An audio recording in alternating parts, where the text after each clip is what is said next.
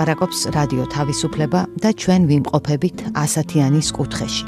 იქ, სადაც ბინადრობს ბევრი მოსაზრება, ციგნი, იდეა, პოზიცია, ემოცია და ბევრი ადამიანი, რომელიც ამ მოსაზრებებსა თუ ემოციებზე გვიყვება. ასე რომ მოირგეთ ყურსასმენები.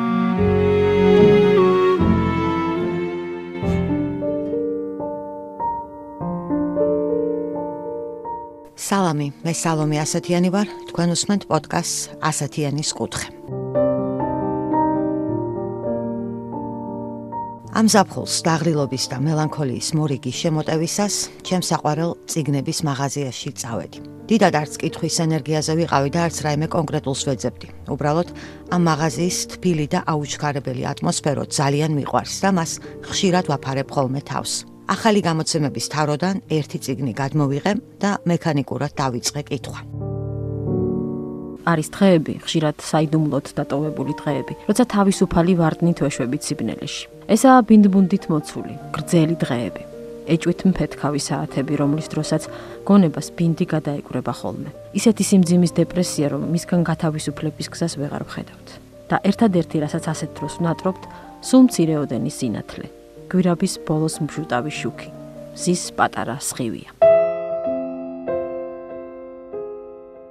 ამ გამხსნელი აბზაცის შემდეგ ალბათ შეიძლებოდა ეს სიგნი დღეს გლობალურად პოპულარული ჟანრის, მილიარდობით დოლარის მოცულობის ინდუსტრიის, self-help-ის, ანუ თვით დახმარების მორიგ გამოცემად ჩამეთვალა. აი იმ ჟანრის, რომელიც ნათელ მომავალს გკვირდება, თანაც მყისიერად საკუთარ თავს თუ შევიყვარებთ და უკეთეს გავხდით, ბნელ ემოციებს თუ გაუმკლავდებით, ტოქსიკურ და ნარცის პარტნიორს თუ ამოვიცნობთ, ან კარიერაში თუ დავისახავთ მკაფიო მიზნებს.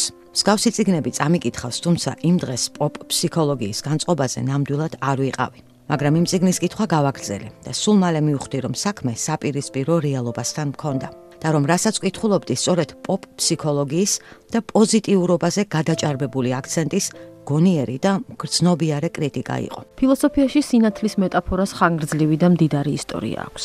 ვიცით რომ სინათლე აუცილებელია ჭეშმარიტების შესაძნობად, მაგრამ მე თავს ყოველთვის ემოციურ სიბნელეში ვგრძნობდი. გენეტიკურად სიბრაზე მომდგამს. ხშირად ვარ სევდიან განწყობაზე. მე ვფიქრობ რომ სამყარო უმეტესწილად ტრაგიკულია და მასში მხოლოდ აქა-იქ თუ ატანს მზის სხივები. გულში ყოველთვის იო-იო ვიყავ, ვინი პუჰის მეგობარი, პესიმისტი ვირი. და თუ თქვენც ჩემნაირი ხართ, ისიც გეცოდინებათ, რომ იო-იოთ ყოფნა არა ადვილი, იქ სადაც ყველაფერი პოზიტიურობისკენ და ოპტიმიზმისკენ მოგვიწოდებს. ტელევიზორი, ინსტაგრამი, პოდკასტები, self-help-ის ციგნები, მაისურები, ბალიშის პირები, ყავის ფინჯნები. ბნელ განწყობებს უჭირთ თანაგრძნობის მოპოვება სამყაროში, რომელსაც მათი გასწორება, განკურნება ან გადაკეთება უნდა და რომელიც მუდმივად მოგვიწოდებს გამოანათე, გახადე შენი დღე ნათელი.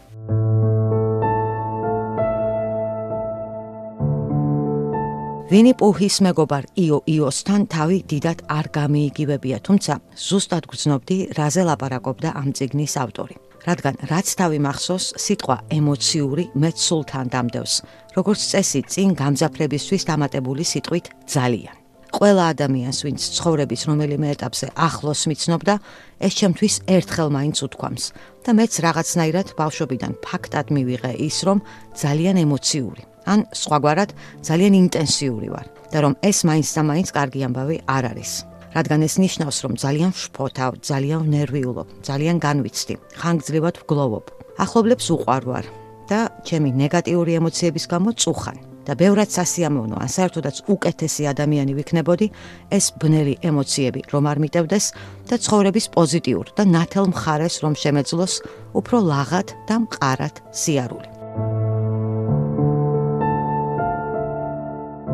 და ალბათ ამიტომაც ამ ციგნის კითხვის პროცესში არ მტოვებდა განცდა, რომ ყველაფერი, რასაც ვკითხულობდი, უკვე ვიცოდი, ოღონ ბუნდოვანი და ინტუიციური ფორმით. აი სოკრატე როგორც ამბობდა, ყოველ ჯერზე როცა გგონია, რომ რაღაცას ვსწავლობთ, ახალ ინფორმაციას ვიღებთ, ამ დროს რეალურად ცოდნას ჩვენივე სიღრმიდან გამოვიხმობთ თუ ვიხსენებთ.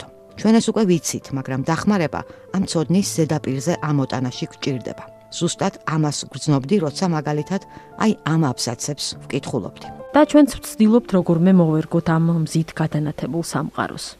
საკუთარ თავს ვეუბნებით, რომ სხვა ადამიანები ჩვენზე გაცილებით უფრო ცუდ დღეში არიან. რითიც როგორც წესი ჩვენს ტკივილს დანაშაულის განცდას ვუმატებთ.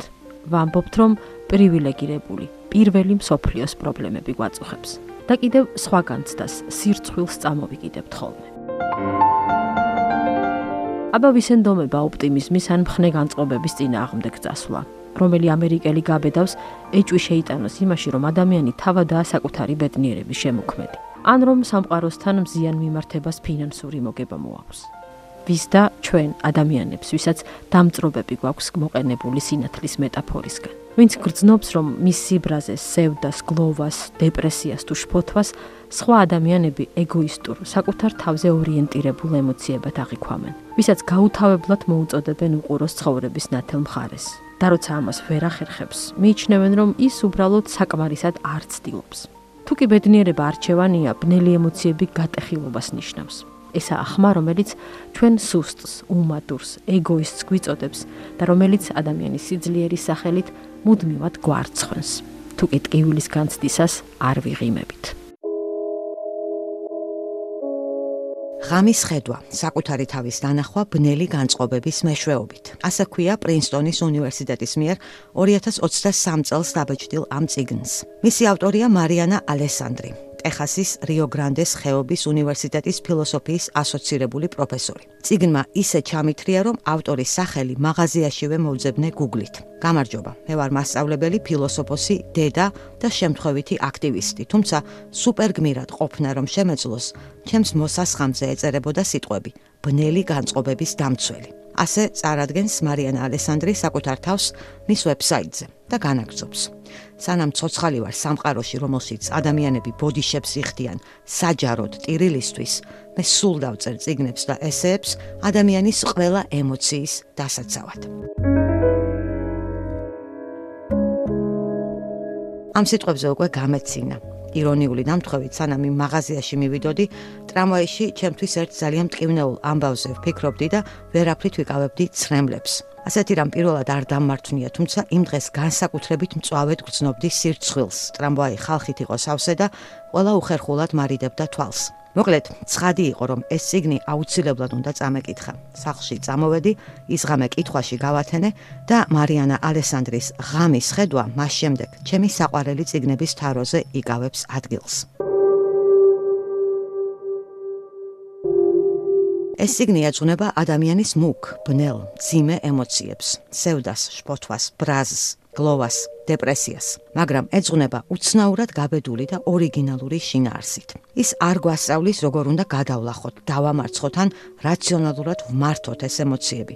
და არც მეორე უკიდურესობაში ვარდება დეპრესიის და სევდის რომანტიზაციის ან მათი რაღაც განსაკუთრებულ ხედვად გამოცხადების გზით. თავარი კითხვები, რომლებსაც ეს შესანიშნავი ციგნი სვამს, საერთოდ სხვა შინაარსისაა. როცა ემოციურ სიბნელეში აღმოჩნდებით, რა მოხდება თუ კი არ შევეცდებით ამ სიბნელის სინათლით განდევნას? იქნებ სიმართლე, სიკეთე და სილამაზე არამხოლოდ სინათლეში, არამედ სიბნელეშიც ბინადრობს. იქნებ ემოციური სიბნელე ადამიანური მდგომარეობა. იქნებ ის, რომ საუკუნეების განმავლობაში სხვაგვარად ვფიქრობდით და ჩვენი ბნელი ემოციების გვეშინო და შეცდომა იყო. ეს ციგნი გვაძლევს ძალიან საჭირო კონტრარგუმენტს დღევანდელ სამყაროში შეშლილობამდე მისული ტოქსიკური პოზიტიურობის წინააღმდეგო. წერენ რეცენზენტები. ის გვაჩვენებს, რომ უსიამოვნო ემოციები და განწყობები, რომელთა ამოძირკვასაც თერაპიით ან აბებით ვცდილობთ, ჩვენი მასშტაბლებლები უფრო არიან ვიდრე დემონები. მათ შეუძლიათ ჩვენი თავი დაგვანახონ, უფრო ადამიანურები გაგვხადონ და სხვა ადამიანებთანაც უფრო ღრმა და ღირებულ კავშირებში შეგვიყვანონ. წერს ერთი კრიტიკოსი.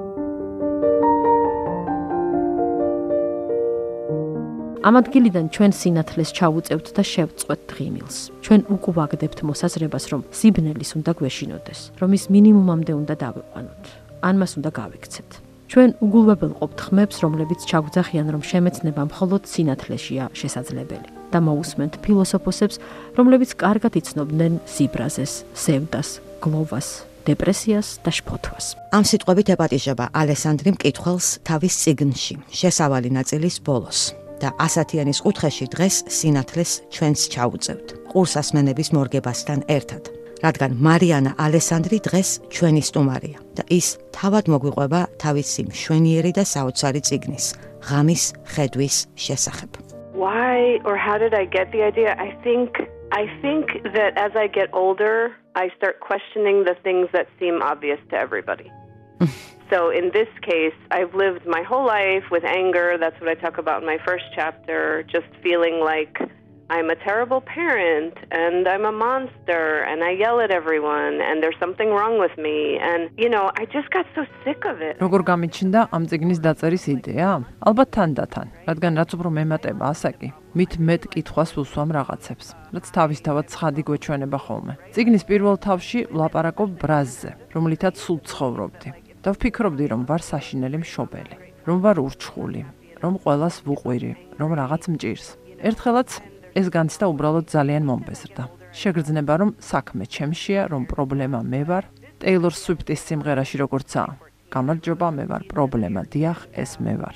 ქალები მით უმეტეს ვიზრდებით ამ განცდით, რომ რაღაც თუ ისე არა, როგორც უნდა იყოს, ეს ჩვენი ბრალია. თუ არ ვარ საკმარისად მადლიერი, საკმარისად ბედნიერი, სიბრაზეს ან სხვა მძიმე ემოციებს თუ გრძნობ, ესე იგი მე მჭირს რაღაც. ჩემი წიგნი ეხება სიბრაზეს, სევდას, გლოვას, დეპრესიას და შფოთვას. და ყველა ადამიანი მათგან რომელიმეთი ცხოვრობს. შესაძლოა რამდენიმეთიც ერთად. ეს განწყობები მძიმე ასატანია, ტანჯველია. მათ ტკივილი მოაქვთ. შესაძლებელი რომ იყოს ადამიანები მათ თავიდან მოიშორებდნენ. მაგრამ ჩვენ უკვე აქ ვართ. ეს უკვე გვჭირს. რა უნდა ვქნათ ახლა? მე ადამიანი მაინტერესებს, რომელიც ამ განწყობებით ცხოვრობს და ვთვლი რომ ეს ადამიანი არ არის გატეხილი. ის არის გონიერი ადამიანი. ძლიერი ემოციური ინტელექტით. მას აქვს მახვილი მგრძნობელობა სამყაროსადმი. არადა ბევრი ჩვენგანი დადის ამ გატეხილობის განცდით, შეგრძნებით რომ რაღაც ძალიან მნიშვნელოვანი არ გვაქვს წესრიგში. და მე მხოლოდ ის მსურს, რომ ასეთი ადამიანები გადავიაზრო და გავამართლო. სიღრმისეულად დავფიქრდე იმაზე, თუ რას გვეუბნება ეს ბნელი ემოციები ჩვენს შინაგან ხედვებზე. კითხეთ, ეს ციგნი ვისთვის დაწერეო? ის დავწერე ჩემთვის. ჩემნაირი ადამიანებისთვის. მათთვის, ვისაც არ სურს თავისი ბნელი და მძიმე ემოციების გამო თავს გატეხილად გრძნობდეს. beginning if who I wrote it for and it's like I wrote it for myself, right? I wrote it for people like me who feel like they don't want to feel broken. გვეუბნება მარიანა ალესანდრი და განაგზობს. It's what I'm calling the light metaphor in my book, which is just all of the ways that we privilege light over dark. So in our language, like in a lot of ways the book's about language, we say you know, look on the bright side and have love and light and lighten up and find the light at the end of the tunnel. წიგნში ვიყენებ სინათლის მეტაფორას. და ეს მოიცავს ყველა ფორმას, რომლებითაც სინათლეს უპირატესობას ვანიჭებ ციბნელესთან მიმართებით. ეს წიგნი საკუთრივ ენასაც ბევრი თვალსაზრისით მიემართება და ინგლისურ ენაში გვაქვს გამოთქმები უყურე ცხოვრების ნათელ მხარეს. სიყვარული და სინათლე გქონოდეს. დაინახე სინათლე გვირაბის ბოლოს და ასე შემდეგ. ეს ფრაზები ძალიან გავს პოზიტიურობის მოძრაობის მოწოდებებს. იმ ლოზუნგებს, რომლებიც ყველა მხრიდან შემოყურებს. მაღაზიების ვიტრინებიდან, პლაკატებიდან, ფინჯნებიდან, მაისურებიდან. აირჩიე ბედნიერება. გადააქცია ეს დღე საოცარ დღედ. არავითარი ცუდი დღეები. აი ეს ბოლო განსაკუთრებით მეხება ხოლმე, რადგან მაფიქრებინებს, რომ აბსოლუტურად განწირულები ვართ. აბა როგორ უნდა გამოვიდეს ასე, როგორ უნდა განხორციელდეს ეს არავითარი ცუდი დღეები? ჩვენი საზოგადოება უბრალოდ არ ასახავს რეალისტურ სურათს იმისა, თუ რას ნიშნავს იყო ადამიანი. ის ან სრულ დესტრუქციაზე, ომზე, გრევაზეა კონცენტრირებული, ან წყალობებზე. ჩამოთვალე შენი წყალობები. ჩამოწერე ის ყველაფერი, რისთვისაც მადლობელი ხარ. მე კი ვისურვებდი ჩვენ სამყაროში პლაკატები, ბალიშის პირები და ფინჯნები უფრო რეალისტური წარწერებით გვხვდებოდეს. რომ ცხოვრება ზოგჯერ არაუშავს, რომ ცუდი დღეებიც გვხვდება. მინდა ამ აღტკინებულ ტონს ცოტა დაუწიონ, რადგან ეს აღტკინება და პოზიტიურობისკენ მოწოდებები თავისთავადაა ზეწოლა ადამიანებზე. თავისთავად წარმოშობს არარეალისტურ მოლოდინებს. რაც მეტად კონცენტრირდებით სინათლეზე, რაც მეტად ვცდილობთ საკუთარი თავი აღტკინებით მოვათავსოთ ბედნიერებაში, ვფიქრობ, მით უფრო უბედურად გრძნობთ თავს, როცა ცხოვრებას გარდაუვალი ცუდი დღეები და მუქი ემოციები მოაქვს. ამ ტოქსიკური პოზიტიურობის სამყაროში კიდევ ბევრი ლოზუნგი არსებობს. მაგალითად, იყავი ყოველთვის პოზიტიური როგორც პროტონი. და ჩემთვის ეს ყველაფერი არის מחე, რომელსაც საზოგადოება გვიგებს და რომელიც გარდაუვალი მარცხისთვის გვწირავს. როცა პოზიტიურობის ამ აჟიოტაჟით ხარ გარშემორტყმული, ამბობ, აი იმ ადამიანს ეს შეუძლია. ეგრეთ წოდებულ self-help-ის ჟანრის ამა თუ იმ ავტორმა თქვა, რომ ეს შესაძლებელია. მაგრამ მეს არ გამომდის, არ შემიძლია. და მას შესაძამე პრობლემა ჩემშია, რაღაც მჭირს. and then we feel miserable because look that other person could do it that self-help author they said they can do it they say you can too and I didn't so therefore something's wrong with me. სინათლისა და სიბნელის, როგორც ცოდნის და უმეცრების, სიკეთის და ბოროტების მეტაფორების ამბავს მარიანა ალესანდრი თავის ციგნში დასავლური ფილოსოფიის 2500 სლოვანი ტრადიციის ისტორიით გვიყვება. მათ შორის პლატონის სახელმწიფოთი, რომელშიც ის სინათლისა და სიბნელის ამ დაწყვილებას გამოქვაბულის ცნობილ სახეში ხედავს. In the cave, the whole idea is that there are these puppets. The puppets are behind you and they cast the shadows on the wall. And so the shadows are what we believe as a society. პლატონის გამოქვაბულის მთავარი იდეა ისაა, რომ შენ უკან არიან საგნები, თოჯინები, რომელთა ჩრდილებიც კედელს ეცემა და ჩვენ საზოგადოებას ეს ჩრდილები გვჯერა და არა რეალური საგნები. ესა ამბავი პატიმრებზე, რომლებსაც იძულებით ამყოფებენ მღვიმეში და რომლებმაც არიციან, რომ გარეთ მზეა. ისინი მხოლოდ ჩრდილებს ხედავენ გამოქვაბულის კედელზე და მათთვის რეალობაც ეს ჩრდილებია.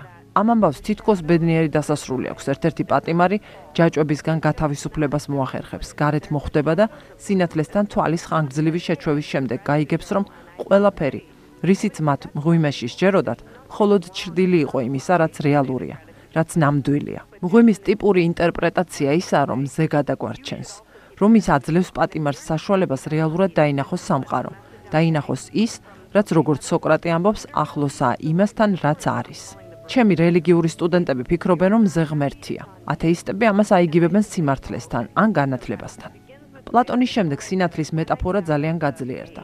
იესო ამბობს: მე ვარ ნათელი სოფლისა, ვინც წამომყვება ბნელში აღარივლის, არამედ სიცოცხლის ნათელი ექნება მას. კოპერნიკმა გამოაცხადა, რომ დედამიწა და სხვა ყველაფერიც ზის გარშემო ბრუნავს. იყო განმანათლებლობა, მთელი ფილოსოფიური პროექტი, რომ ჭეშმარიტება სინათლეა და სიბნელე კი არის უვიცობა და ბოროტება. სინათლე გადაიქცა ჩვენს მხსნელად, მისმა საპირისპირო ცნებამ, სიბნელემ კი ფილოსოფიაში, რელიგიაში, ისტორიაში რაღაც საშიშის, მახინჯის, უმეცრის და ცოდვილის მნიშვნელობები შეიძინა. და ეს ფაქტობრივად უნივერსალური ფენომენია. ნამდვილად არ მოიძებნება ბევრი რელიგია, რომელიც სინათლეს და სიბნელეს თანასწორად განიხილავდეს. ამდენად გასაგებია, რომ ქსურს სიბნელე თავიდან ავირიდოთ, მაგრამ მუდმივად სინათლის დევნითაც ტკივილს ვაყენებთ საკუთარ თავს.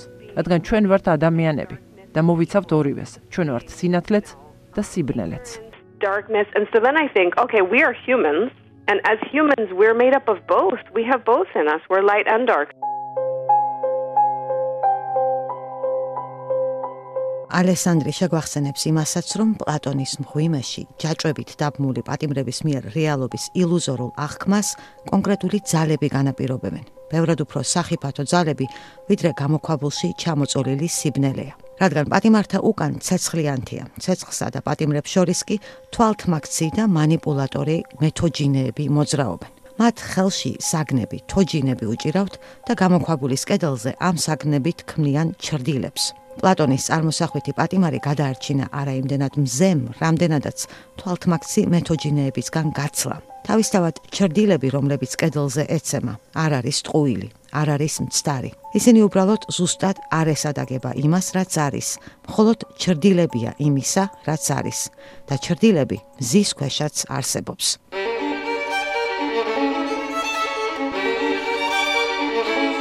ის რომ ადამიანის ბნელი ემოციები, ღირსეული ემოციებია, ფილოსოფიის ტრადიციაში ხმამაღლა და ლირიკულად გამოცხადდა პლატონის როიდან დაახლოებით 2000 წლეულის შემდეგ.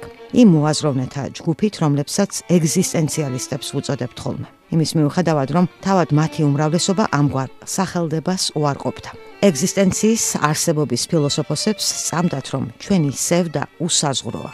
და ადამიანის სიბრაზის, შფოთვის, გლოვის, დეპრესიის ინტენსიურ სიღრმეებს მოიცავს. რაც ბუნებრივია, ჩვენ ფეხში შველები დავდივართ დედამიწის უსწორმასწორო ზედაპირზე და გვიწევს უყუროთ, როგორ ავადდებიან ან იხოცებიან ჩვენი საყვარელი ადამიანები.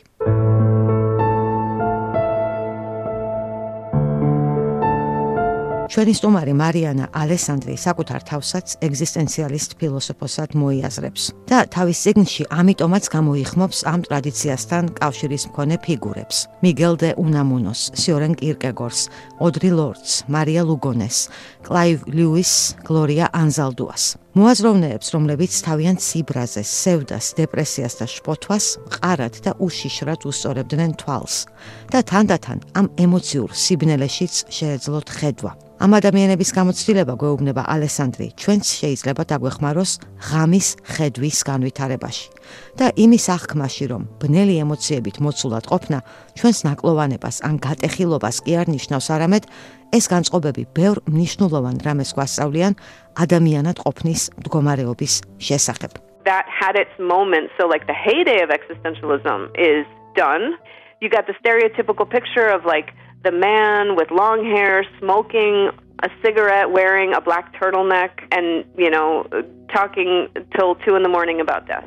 მომენტმა, როცა ეგზისტენციალიზმი პოპულარობის მწორვალზე იყო, უკვე ჩაიარა. დღეს გვაქვს ეგზისტენციალისტების ერთგვარი стереოტიპული, კარიკატურული სახე. გრძელთმიანი კაცი, რომელიც სიგარეტს ეწევა, შავი ყელიანი სვიტრი აცვია და ღამის 2 საათამდე გაუჩერებლად ლაპარაკობს სიკვდილზე.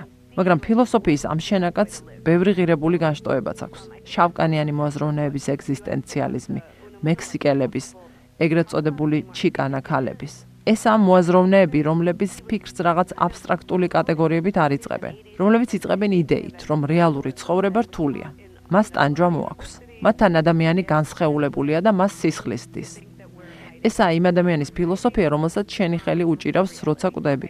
მან კი უნდა იცოცხლოს, უნდა ისწავლოს, როგორ შეურიგდეს ამ სამყაროს შენს გარეშე. ადამიანი აქ არის ხორცშესხმული ქმნილება, ბევრი სისუსტით, რომელიც შინაგანად დიდ სილამაზესაც ატარებს. თუმცა კულტურა მას ასწავლის და აიძულებს ეს სილამაზე უარყოს და დამალოს. ეგზისტენციალისტი მოაზროვნეები უმეტესად თვლიან, რომ ჩვენ ვიმალებით. ვემალებით რეალობას, სიკვდილს, სიცოცხლეს, რადგან ბევრად ადვილია ჩაერთო პირობითობებში, არაფრის მთქმელ ლაპარაკებში და რეალურად არ იყო ჩართული სამყაროში. შეიძლება იყო ძალიან დაკავებული. შეერთებულ შტატებში გვაქვს ძალიან საქმიანი დაკავებული კულტურა და ჩვენ ბევრს გავაკეთებთ საიმისოდ, რომ თავი ავარიდოთ ჩვენს ემოციებს. ნეგატიურ ემოციებს, სიკვდილს, ანუ იმ რეალურ, ნამდვილ რაღაცებს, რაც ცხოვრებას ხდის საინტერესოს, ღრმას, ფიქრიანს. We will do a lot to avoid our feelings, our negative feelings, to avoid death, to avoid like the real things that make life actually quite interesting and deep and thoughtful. I think people worry that it will take over, like a lot of these negative emotions, right? Something I hear a lot is well if i start crying i'm never going to stop i don't think that's factually accurate ადამიანებს უბრალოდ ეშინიათ რომ ეს ნეგატიური ბნელი ემოციები დაგჭაბნის ხშირად გამიგია ხოლმე ფრაზა ახლა ტირილი რომ დავიწყო ვეღარასოდეს გავჩერდებია მე არ მგონია ეს ასე იყოს მაგრამ ეს შიში ნამდვილად არსებობს რომ ამ განწყობებს თუ მივეცემი მათ თავს ვეღარ დავახწევ რა თქმა უნდა არის შემთხვევები დეპრესიის შფოთვის გარკვეული ფორმები როცა ძალიან ფრთხილად უნდა მოვიქცეთ ფრთხილად შევიგრძნოთ ის, თუ მაინც რა ინტენსივობით გსურს ვიჯდეთ ამ გამოქვაბულში. რამდენად უნდა ჩავუწიოთ ან ჩავაქროთ სინათლე. მაგრამ დღევანდელ რეალობაში ნამდვილად მეორე უკიდურესობაში ვართ. რომ ამაზე საერთოდ არ უნდა ვიფიქროთ. არ უნდა ვილაპარაკოთ. I think for the most part we err on the opposite side of like not thinking about it, not talking about it.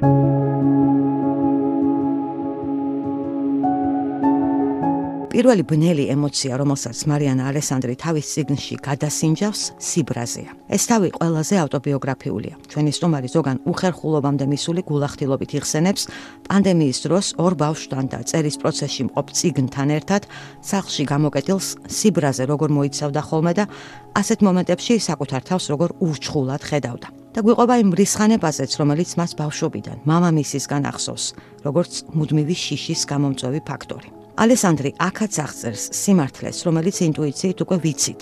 ემოციების და ამ შემთხვევაში კონკრეტულად სიბრაზის აღქმა გენდერულად არის განსაზღვრული და ქალს სიბრაზე თითქმის არასოდეს ებადიება. Just like you said it's gendered. Boys who grow up crying, feeling sad, like the the quickest thing we're supposed to do is train them out of it, right? Suck it up, get over it. And then then where does that sadness go like i have uh i have two sons დიახ ეს საკითხი გენდერულადაა განსაზღვრული ბიჭები იზრდებიან შეგონებით, რომ ტირილი, სევდა არა მამაკაცურია. ჩვენ ვცდილობთ ისინი სწრაფად გადავაჩვიოთ ამას. თავს მოერია, სწრაფად გადაიტანე რაც გაწუხებს. იმაზე კი არ ვფიქრობთ, მაინც სად მიდის მათი ეს სევდა. მე ორი ბიჭი მყავს და ვცდილობ მათთვის ღია დავტოვო ემოციური სამყარო. მინდა მათ ემოციების მთელი სპექტრი შეიგრძნონ და ისინი მხოლოდ სიბრაზეში არ გადაიტანონ. რადგან ბიჭებისთვის სიბრაზე მისაღებია. ქალები კი უწინარესად ლამაზები უნდა იყვნენ და სიბრაზე არ არის ქალური რამ. ფემინისტებს ბრაზის გამოხატვის გამო გამუდმებით უწოდებდნენ უშნოებს და მახინჯებს. არა და მე მწამს რომ ყველა ემოცია ღირებულია და ვცდილობ გავიაზრო როგორ ვცდილობ საზოგადოება ჩვენს გაჩუმებას. როგორ გვაიძულებს შესაბამისობაში მოვიდეთ ჩვენს სქესთან დაკავშირებულ მოლოდინებთან. To conform to your gender expectations and, you know, for women that's look pretty and anger is unladylike. სიბრაზის როგორც ემოციის აღქმას დღესაც მნიშვნელოვნად განგვისაზღვრავს ძველი ბერძენი და რომაელი ფილოსოფოსების მოსაზრებები. მართალია ბერძნებს სიბრაზე ბევრი სახელით და მნიშვნელობით ესმოდათ. ნემესისი მაგალითად მათთან სამართლიანობის დამამყარებელი ძალა იყო. ეს მრავალფეროვნება დღეს დიწილად დაკარგულია, ხოლო ის რაც შემოგრჩა, სიბრაზეს წარმოაჩენს ირაციონალურად, მახინჯად და შეშვილობად. წერს ჩვენი სტუმარი თავის ციგნში. პლატონის სიბრაზის მსგავს ვნებებს ადარებდა უკონტროლო ცხელსისხლიან მუქი ფერის ცხენს, რომელიც გონების მხედარმა უნდა მართოს. ანუ ადამიანებმა სიბრაზე თვითკონტროლით უნდა შევაკავოთ. სიბრაზეს ანალოგიურად აღწერდა რომაელი სტოიკოსი სენეკაც, მათ შორის სწორედ პლატონის მაგალითზე, რომელიც ერთხელ თურმე განრისხდა, მაგრამ იმის ნაცვლად რომ მონის ცემა დაეწყო, დასარტყმელად მოქნეული ხელი ჰაერში გააჩერა, რადგან სიბრაზით იყო შეპყრობილი. პლატონის მაგალითი გადაიქცა პრინციპად. სიბრაზის გამოხატვა მხოლოდ მაშინაა დასაშვები, როცა გაბრაზებული არ ხარ. სხვაგვარად, ჩვენ ჩვენი ემოციების მონები ვხდებით. რომის სტოიკოსი იმპერატორი მარკუს ავრელიუსი თვლიდა, რომ ემოციური მღელვარება ჩვენივე სიღრმიდან მოდის, აღქმებიდან, რომელსაც ადამიანი ატარებს. შესაბამისად, ნაკლები მოლოდინები თუ გვექნება, სიბრაზესაც ნაკლებად ვიგრძნობთ. არისტოტელესეული მემკვიდრეობა გრძნობებთან მიმართებით ასეთი მკაცრი არ არის. ამ ჭრილში გრძნობები მათ შორის სიბრაზე, თავისთავად ბუნებრივი და უვნებელი რამაა. თავარია ჩვენი მოქმედება არ იყოს მათით განსაზღვრული. ყოველ ჯერზე, როცა სიბრაზეს ირაციონალურს, უშნოს ან შეშვილობას უწოდებთ, ჩვენ ამ ძველი ფილოსოფოსების მემკვიდრეობის გავლენის ქვეშ ვართო, წერს ალესანდრი და იქვე სვამს ძალიან გაბედულ და ბევრისთვის ალბათ პროვოკაციულ კითხვას. რა იქნებოდა სიბრაზის შესახებ სხვაგვარი მასშტაბლებლები რომ ყოლოდა? ჩვენ სიბრაზეს ზოგჯერ სტრუქტურული უსამართლობა იწევს, რის აღსაქმელადაც ძველ ბერძენ და რომაელ ფილოსოფოსებს ჩვენთვის პერსპექტივა არ მოუციათ. რა შეიცვლებოდა სიბრაზის შესახებ ჩვენი იდეები არა ძველი ბერძენი და რომაელი კაცების, არამედ მაგალითად მე-20 საუკუნის ქალების გამოცდილებითა და ნააზრევით, რომ საზრდოობდეს. I go through a few different philosophies like the Stoics really are trying to protect us from very dark emotions. So I just think that we have inherited our attitudes like specifically I'm thinking of anger. ციგნში ფილოსოფიის რამდენიმე შენაკადს განვეხილა. მათ შორის სტოიციზმს და სტოიკოსებს, რომლებიც ცდილობენ დაგვიცვან ძალიან ბნელი ემოციებისგან. ფიქრობ, რომ ჩვენ მემკვიდრეობით გვერგო მიმართებები ჩვენს ემოციებთან, უწინარესად სიბრაზესთან. სტოიკოსებისგან გვერგო ის, რომ სიბრაზე რისხანება ყოველთვის ცუდია. და ეს მიმართება მას შემდეგ აღარ გადაგვისინჯავს. მე კი მინდა დღევანდელ დღეს ამ საუკუნეს დავეციოთ. რა იქნებოდა სიბრაზეზე სხვაგვარად რომ ფიქრობდეთ? რა იქნებოდა სიბრაზის თაობაზე ჩვენი მასწავლებლები რომ მაგალითად არათეთრკანიანი ქალები ყოფილიყვნენ? ისინი პირიქით ამბობენ, რომ ჩვენ უნდა მოვუსმინოთ ჩვენ სიბრაზეს. ეს ქალები არ გვეუბნებიან სიბრაზე განაგდეთ. ის ყოველთვის საწამლავია, განმარტოვდი, იოგა ივარჯიშე, ათამდე დაითვალე და დაიცადე სანამ სიბრაზე დაგტოვებსო. ჩვენი თანამედროვე ქალი მოაზროვნეები ამბობენ, რომ ის რაც სიბრაზეს იწვევს, ხშირად ღირებული, მრავლის მთქმელი ინფორმაცია.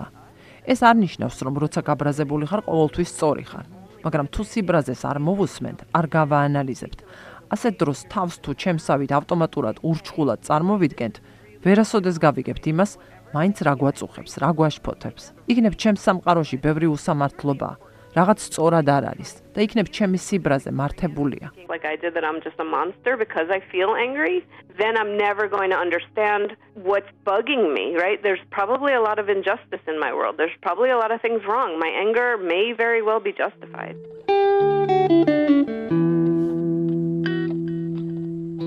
ერთ-ერთი პირველი ქალი, რომელიც თანამედროვე სამყაროში ღიად და თამამად იცავდა თავის სიბრაზეს, ოდრი ლორდი იყო. ამერიკელი პოეტი, სამოქალაქო უფლებების აქტივისტი, ფემინისტი, რომელიც ჯიუტად აცხადებდა, რომ სიბრაზის გარეშე ჩაგვრის აღმოფხრა და საზოგადოების ცვლილება შეუძლებელია. 1991 წელს მან სწორედ სიბრაზის შესახებ წარმოთქვა დღეს უკვე ლეგენდარული სიტყვა, რომელშიც გადაჭრით უარყო ჩაგრული ჯგუფების, ქალების, შავკანიანების, არაჰეტეროსექსუალების სიბრაზისთვის ირაციონალური სტარქმევა. და კიდევ უფრო შორსაც წავიდა სიბრაზის პოტენციურ პროგრესთან დაკავშირებით. სიზუსტით თუ გამოვიყენებთ, სიბრაზე შესაძლოა გახდეს ენერგიის მძლავრი წყარო, რომელიც პროგრესისა და ცვლილების სამსახურში იქნება.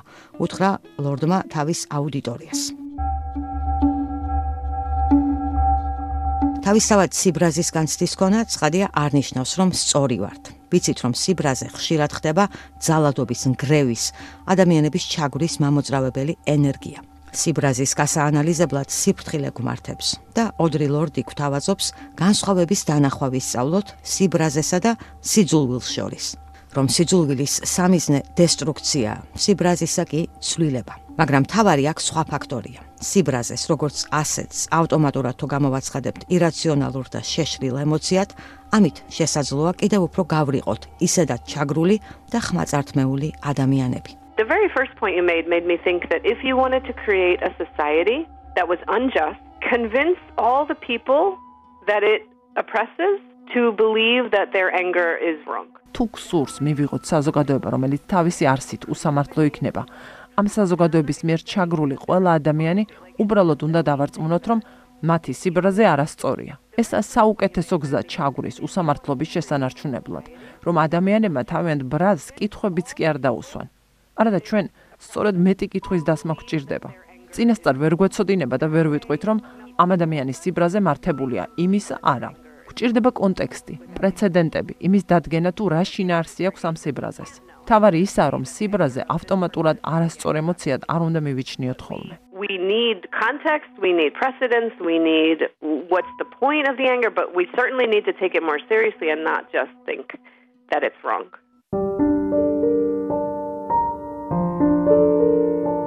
ერთხელ პარკში ვიყავი და ხელში ჩემი პატარა შვილი მეჭირა, რომელიც ხმამაღლა ტიროდა. ვიღაც უცხო კაცი მომიახლოვდა და მითხრა, რომ ბავშვები ტირილს უმატებენ, თუკი მათ ტკივილს შენც აღიარებ და ამიტომ უმჯობესი იქნებოდა მისი ტირილი არ შემემჩნიაო. იხსენებს ჩვენი სტუმარი თავის ციგნში. და ეს ან მსგავსი ამბავი ალბათ ყველას გადაგხვდენია. ან იმის გამო მოუციათ შენიშნა რომ ატირებულ ბავშვს ზედმეტად დაუყავებდით ხოლმე, რითიც სკულს ვუჩუყებდით და ბავშვიც უფრო გულამოსკნით იწყებდა ტირილს, ან იქნებ ჩვენივე ბავშვობიდან გვახსოვს რეპლიკები, რომ ტირალები ვიყავით.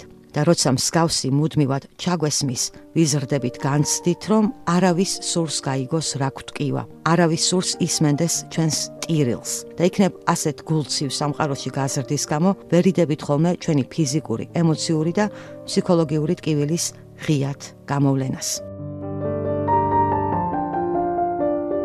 როგორც ორენოვანი ფილოსოფოსი მარიანა ალესანდრი ამ ბევრნაირ და ხშირად დამალულ ტყივილს თავის ციგნში ესპანურ სიტყვას დოლორს უწოდებს.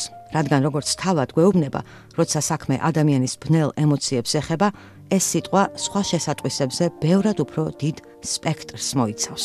So my second chapter is about sadness, pain, emotional distress and I couldn't whenever I would try out a word, it felt wrong. ციგნის მეორე თავი ეხება სევდას. ტკივილს, ემოციურ ტანჯვას და ამის აღსანიშნავად რაღაცნაირად არასაკმარისი იყო ყველა სიტყვა, რომლებსაც ინგლისური ენა მთავაზობდა, სადაც ტკივილი უფრო მეტად ფიზიკურ ტკივილს მიემართება.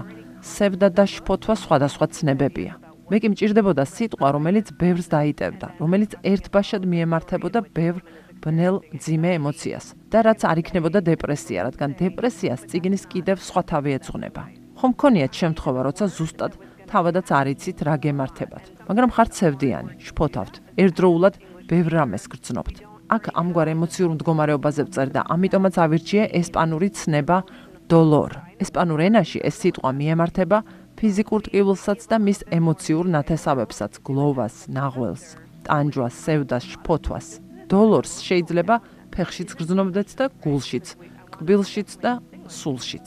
ჩემი ციგნი მექსიკაშიც წარვადგინე და ესპანურენოვანმა მკითხველმაც აღიქვა, რომ ამ ცნებას ძალიან ფართო მნიშვნელობით ვიყენებ.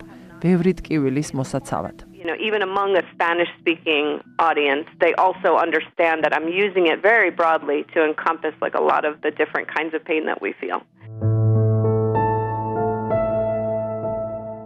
ადამიანები უმეტეს შემთხვევაში დოლორს გამიზნულად არ ვეძებთ და არც მისი რომანტიზაციაა დიდად სასარგებლო რამ, მაგრამ ცხოვრების განმავლობაში ის ჩვენთან მოდის და ჩვენ სტუმარს თუ დაუჯერებთ, ჩვენ ჯერაც ბევრი გვაქვს სასავლის აიმისოდ რომ დოლორს ღირსებით, სირცხვილისა და შიშის შეგრძნების გარეშე დავხვდეთ ხოლმე.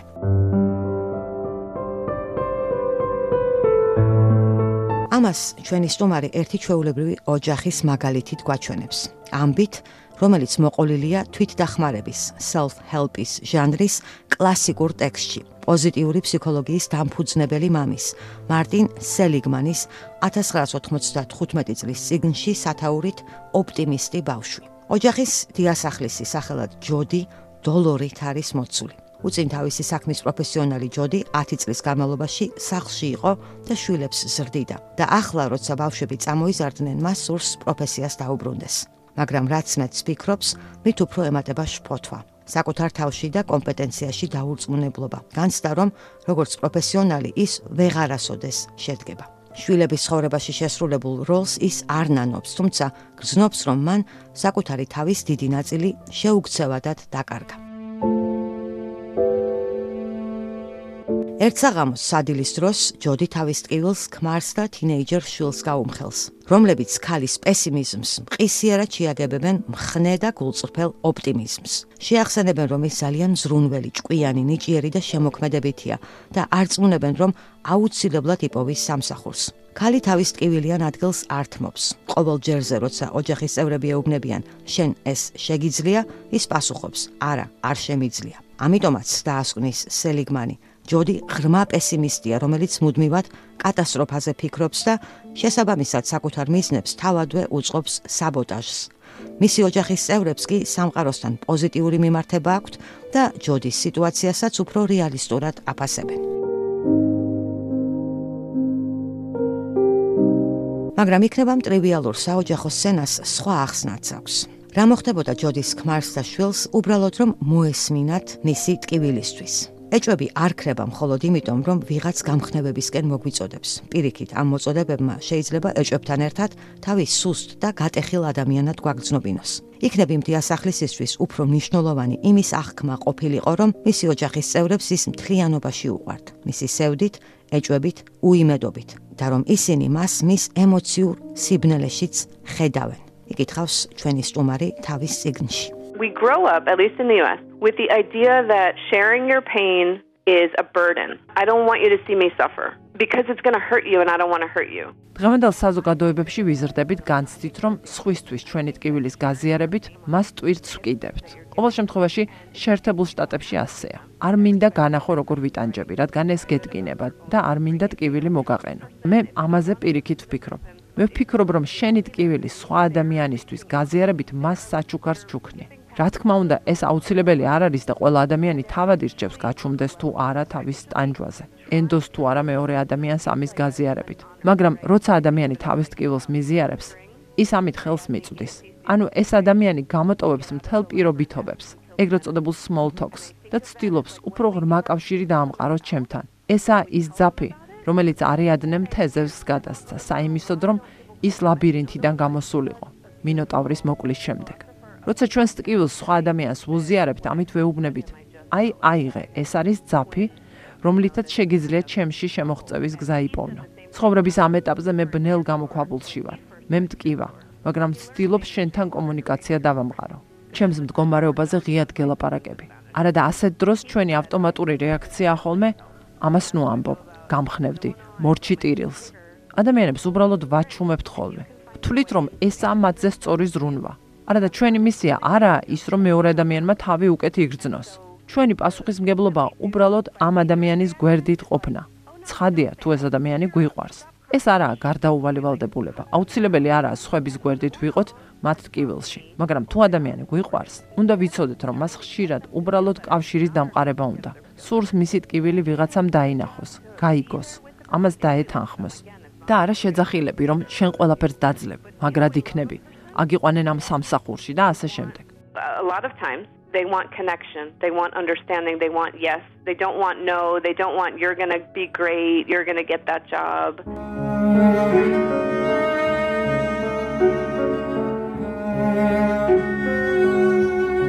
როდის ამყარებენ ადამიანები ერთმანეთთან ღრმა კავშირებს?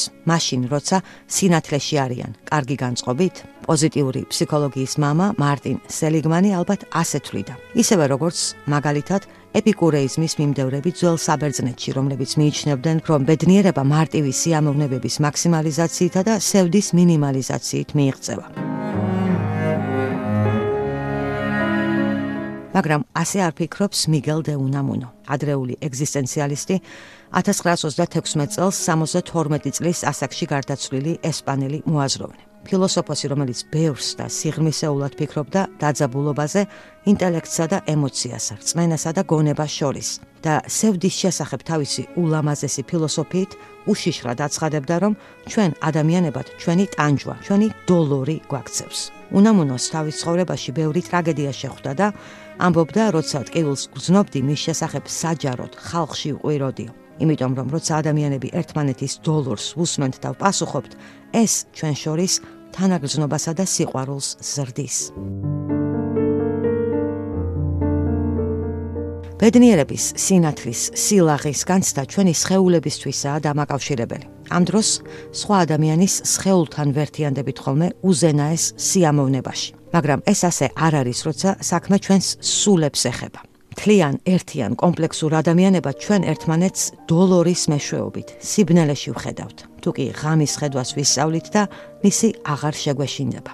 He gave an image of two string instruments. I think of them as guitars because I, I love the guitar. When two guitars stand next to each other, if you pluck the strings on one guitar, the other one vibrates also. And that's the nature of stringed instruments. And he said that's our heartstring. მიგელ დე უნამუნოს მოაქვს ორი სიმებიანი ინსტრუმენტის მაგალითი. და მე მათ გიტარებად წარმოვიდგენ ხოლმე, რადგან გიტარა გამორჩეულად მიყვარს. როცა ორი გიტარა გვერდი გვერდ დგას, ერთ-ერთზე სიმებს თუ ჩამოკრავ, მეორეც ვიბრირებას იწყებს. ასეთია სიმებიანი ინსტრუმენტების ბუნება. და უნამუნო ამბობდა, რომ ესაა ჩვენი გულების სიმები. როცა ვიღაც იტანჯება და ამის შესახებ გეუბნება, ეს ჩვენს გულსაც ეხება. შესაძლოა ჩვენმა გულმაც დაიწყოს ვიბრირება. ნაღვალს შეუძლია დაგვაახლოვოს. თუმცა უნამონო არ ამბობს, რომ ეს აუცილებლად ასე უნდა მოხდეს. პირიქით, ის თავად სვამს კითხვას, რატომაა, რომ ზოგჯერ ამგვარი კავშირი არ დგება და წერს, რომ არაფერს აქვს აზრი, თუ სხვებს გულის სიმები არ აქვთ. ან ეს სიმები ისეა გახევებული, რომ უბრალოდ არ ვიბრირებს. ასე დროს ამბობს ის, ჩემი ტკივილი სხვა ადამიანებში ვერ იპოვნის გამოძახილს, მაგრამ საუკეთესო შემთხვევებში ასეთი კავშირები დგება ხოლმე. They're supposed to start vibrating.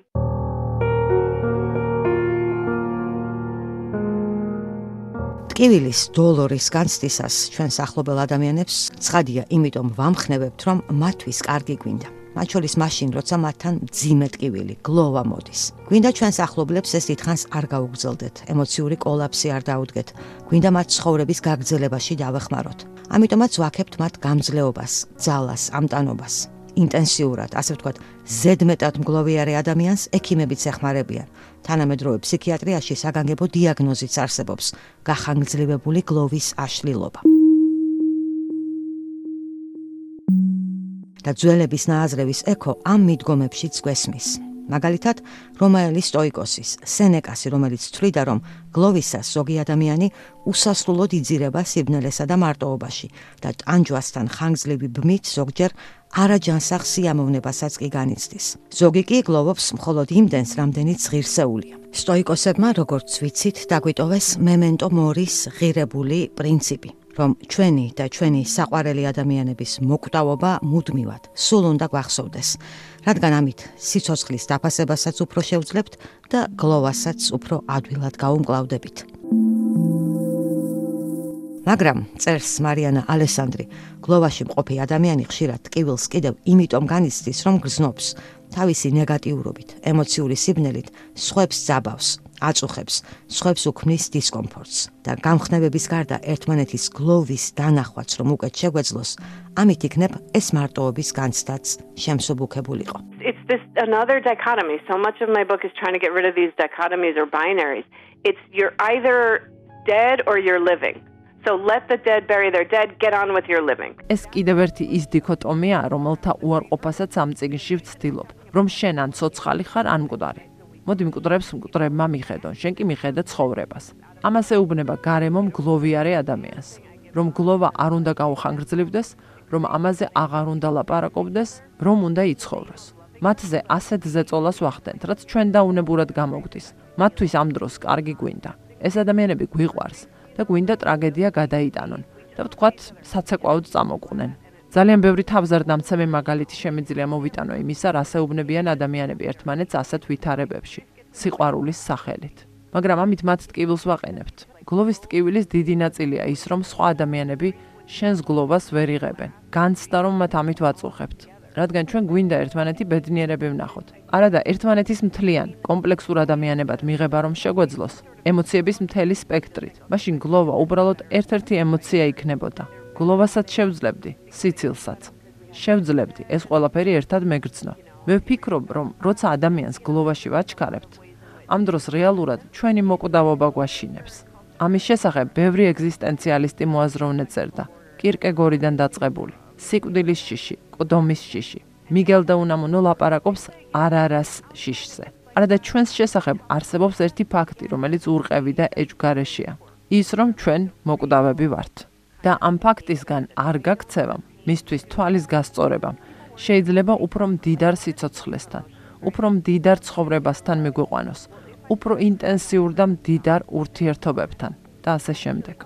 Positive fact about humans is that we're mortal, and so to confront that could actually lead to a richer life than hiding from it, because you you know you enrich your relationships and all this kind of thing.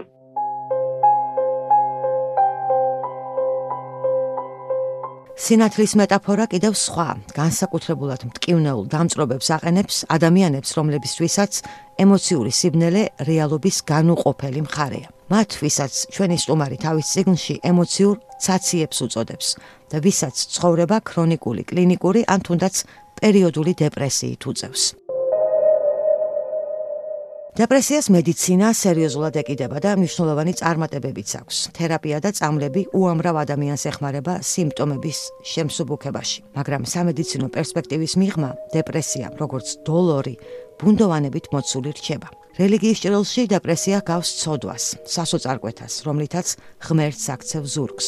კონსუმერიზმის, კაპიტალიზმის და მათი თანხლები პოზიტიური აზროვნების პერსპექტივაში ის აღიქმება სისუსტეთ და სიზარმაცეთ. დეპრესია არ არის გლოვა, ის მაშინაც მოდის, როცა არავინ მომკვდარა. ამ ფენომენის შესახებ ერთ-ერთი საუკეთესო მონოგრაფიის შუადღის დემონი დეპრესიის ატლასის ავტორი ენდრიუ სოლომონი აღიარებს რომ თავადაც ვერაფრით ხსნიდა თავისი ძლიერი დეპრესიის პირველ ეპიზოდს რომელიც მაშინ დაუდგა როცა წარმატებულ ციგნზე დაასრულა მუშაობა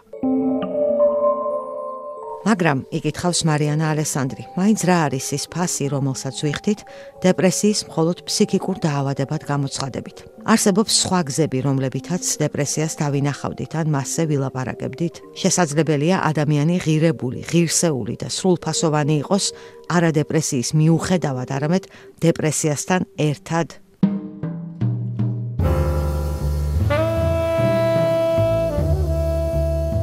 ამ კითხების ფონზე ჩვენი სტუმარი თავის ციგნში გვიყვება კიდევ ერთი ქალი მოაზროვნის ამბავს. გლორია ანზალდუასი, ესპანელებისა და ინდიელების შთამომავალი ტეხასელი პოეტის, თეორეტიკოსის, ლესბოსური ფემინიზმის აქტივისტის, რომელიც ბევრს და მღელვარეთ წერდა ქვეყნებს და საზღვრებს შორის მფეთქავ, შუალედურ და მარგინალიზებულ კულტურებსა და იდენტობებზე, კვიდრი ამერიკელების სულიერებაზე და უშიშრად წერდა იმ ემოციურ სიბნელეზეც, რომელშიც პერიოდულად აღმოჩნდებოდა ხოლმე და რომელსაც ექიმები კლინიკურ დეპრესიას არქმევდნენ. ანზალდუასთვის ამ სიბნელეში ყოფნა ნიშნავდა იმას, რომ შენ, მისივე სიტყვებით, აგონიურად ცოცხალი ხარ ამ სამყაროში. She's amazing. she just found a way to just sort of think about it in a way that it got built into her narrative of who she was. გლორია ანზალდოა მართლაც საოცარია. მან თავისი ძიმე დეპრესია აქცია თავისი თვითაღქმის იდენტობის ნაწილად, სირცხვილის განცდის გარეშე და ჩემთვის ეს სამაგალითო ნაბიჯია. მე ძალიან მინდა ადამიანები გავთავისუფლდეთ ამ სირცხვილის განცდისგან, ჩვენი დეპრესიის დამალვის სურვილისგან, თავის მოჩვენებისგან, ისე თითქოს ის არ იარსებებს, თუ მასზე არ ვიფიქრებთ. მე არ ვთვლი, რომ ადამიანი, რომელიც დეპრესიით ცხოვრობს, რამით ნაკლებია სხვაზე და ანზალდოა სწორედ ამას აკეთებს ულამაზესად. მას ტანჯავდა ის, რასაც დღეს კლინიკურ დეპრესიას უწოდებენ, თუმცა ის ამ ტერმინს არ იყენებს. ნაწილობრივ იმიტომაც, რომ მას ეს დიაგნოზი 1980-იანების ბოლოს დაუსვეს, როცა შემოვიდა მედიკამენტი პროზაკი, როცა ფორმირებას იწყებდა ენა და ტერმინოლოგია კლინიკურ დეპრესიაზე სალაპარაკოდ. დღეს უკვე გვაქვს წამლები, ბევრი საშუალება, რომლებიც დეპრესიას ცოტა ამსუბუქებს და ეს ძალიან კარგია. მე არ ვარ წამლების ან თერაპიის მოწინააღმდეგე. ანზალდუა ამ სამედიცინო ტერმინოლოგიას არ მიმართავს, მაგრამ არც სიბნელეს გაურბის და ინტენსიურად მედიტირებს თავის მდგომარეობაზე. ის სხვა კულტურებში, აცტეკთა ტრადიციების ულამაზეს სახეებში ეძებს და პოულობს თავისი ბნელი ემოციების გამოძახილს. სამყაროს წარმოშობის შესახებ აცტეკთა ამბებში ის ნახულობს, რომ სიბნელე თავიდან არ იყო აღქმული როგორც საშიში რამ, რომ სიბნელეს ზეიმობდნენ როგორც რაღაც პირველაც, როგორც პოტენციალის შემცველს, როგორც დედობრივ თბილ წიაღს. მაგრამ როცა მას სინათლე გამოეყო, სიბნელე გახდა ბოროტება, მტერი. ასაკის მატებასთან ერთად ანზალდუა სულ უფრო მეტად იყენებს ამ სახეებს თავისი იდეებისთვის ცოდნის წარმოების შესახებ. იმის შესახებ თუ რას ხედავს, როცა დეპრესია უტევს, როცა სიბნელეშია. ანუ კიდევ ერთხელ რომ ვთქვათ, არჩევანის ქონის შემთხვევაში ის ალბათ აირჩევდა არ ქონოდა ეს ბნელი მტანჯველი ემოციები, მაგრამ რადგან აქვს და ამით ცხოვრობს, ამას რაღაც უნდა მოუხერხოს. რადგან დეპრესია თუ ის გვაქვს, ჩვენი ნაწილია. მას ადამიანისგან ვერ განვაცალკევებთ. So again, she would choose not to have them, but since she already has them, you have to do something with them.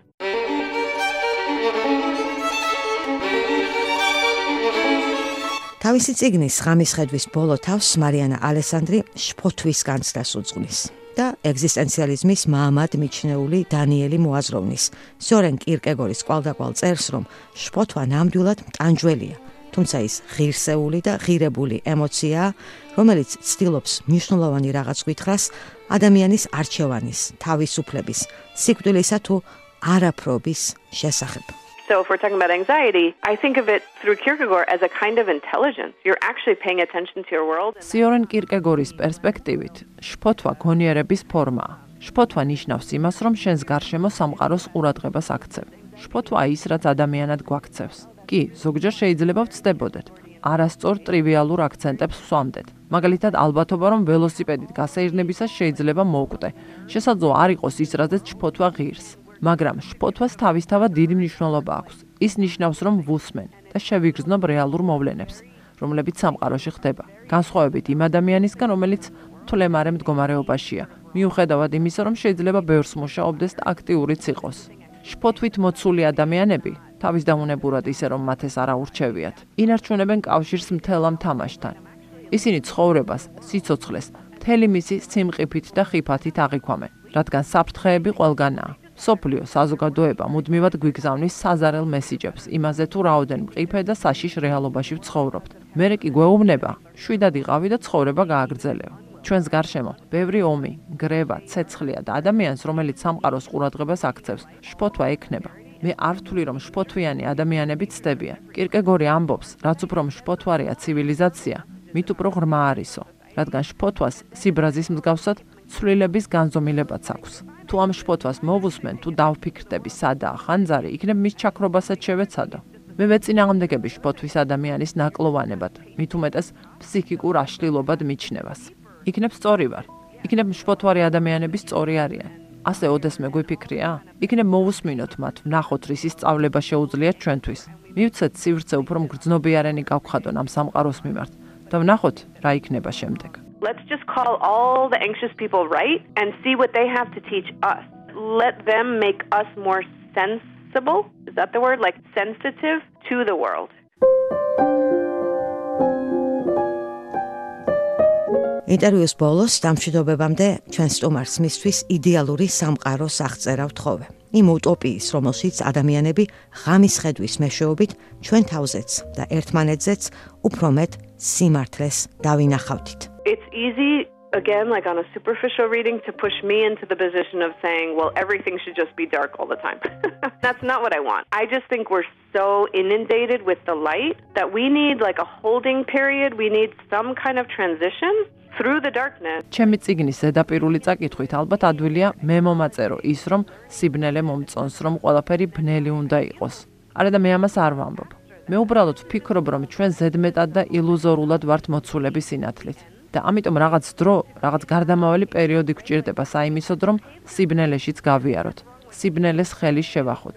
მასში ვიყოთ, ის ვაღიაროთ. მისგან რაღაც ვისწავლოთ. ჩემთვის იდეალური უტოპიური რეალობა მხოლოდ ამის შემდეგ დადგებოდა, რადგან მე რაზეც ვწერ, ეს ჯერ მხოლოდ ერთი მომენტია. ღამის ხედვა არის მომენტი და არა საბოლოო მიზანი ან დასასრული. ესაა ის, რითიც გამოქვაბულში შევალთ და გამოვალთ ხოლმე, რადგან გამოქვაბულები კარგი რამაა. პლატონის ამბავში მღვიმის პრობლემა არის ის, რომ იქ არიან თვალთმაქცი მეთოჯინეები, რომელთა მიზანიც ჩემი მოტყუება, ჩემი გაცურებაა. ჩემი დაჯერება რომ ჩრდილები ნამდვილი საგნები არიან. და მე ძალიან მინდა თავიდან მოვიშორო ეს მეთოჯინეები. მათ შორის ყველა ის ვინც ქმნის დღევანდელ სამომხმარებლო კულტურას და საქონელს ლოზუნგებით არავითარი ცუდი დღეები ყოველთვის იყავი მზიანი თავად შექმენი შენი სიხარული და ასე შემდეგ. მინდა ეს ტოქსიკური პოზიტიურობა მოგშორდეს. მინდა ეს ყველაფერი დავწვა. შემდეგ კი მინდა სამყარო მეც დამინახოს და აღმიქვას. კომპლექსური ადამიანი რომელსაც სიხარულის მომენტებიც გამოუცდია და ძლავრი წამლეკავის სევდაც, რომელიც ზოგჯერ ერთსა და იმავე დღესაა გახარებულიც და ნაღვლიანიც. მინდა ასეთი სამგანზომილებიანი ადამიანი არ მხოლოდ მისაღები გახდეს, არამედ ეს გადაიქცეს ცხოვრების სასურველ ფორმად. იყო ემოციებით მოცული არ არის არასწორი რამ. მე არ მინდა ადამიანები იზრდებოდნენ და ისმენდნენ, რომ ისინი ზედმეტად ემოციურები, ზედმეტად მგრძნობიარეები არიან. მინდა ასეთი ადამიანები დავიცვა. მათ ვუთხრა, რომ პირიქით, ისინი განსაკუთრებულები არიან. ჩვენ შენ გვჭირდები. გრძნობიარე ადამიანები გვჭირდება, რათა დანარჩენებს დაგვეხმარონ სიცოცხლესთან დაბრუნებაში, გულის ციმების კლავ ამოძრავებაში. ჩემი უტოპიაა სამყარო, რომელშიც ყველა ჩვენგანი სრულად ადამიანია და რომელშიც უფლება გვაქვს გქონდეს ემოციების მთელი სპექტრი. ერთად, ცალ-ცალკე, პირად სივრცეშიც და საჯაროდაც.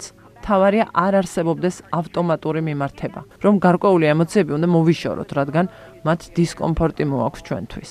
fully human and we are allowed to have the range of emotions and we can have them together or alone, privately, publicly, whatever, but not the default being let's just get rid of these things because they're inconvenient for us. დღეს ამით გემშვიდობებით. ტექსტის რედაქტირებისთვის დიდ მადლობას ვუხდი ბიძინა რამიშვილს, ეპიზოდის გახმოვანებისთვის ნინო გელაშვილს და ეკა ქევანიშვილს. მე სალომე ასათიანი ვარ, თქვენ უსმენთ პოდკასტს ასათიანის კუთხე. შეგიძლიათ Facebook-ზე ჩვენი ჯგუფი იპოვოთ და შემოგვიერთდეთ. დიდი მადლობა ყურადღებისთვის. მალე ისევ შევხვდებით ასათიანის კუთხეში.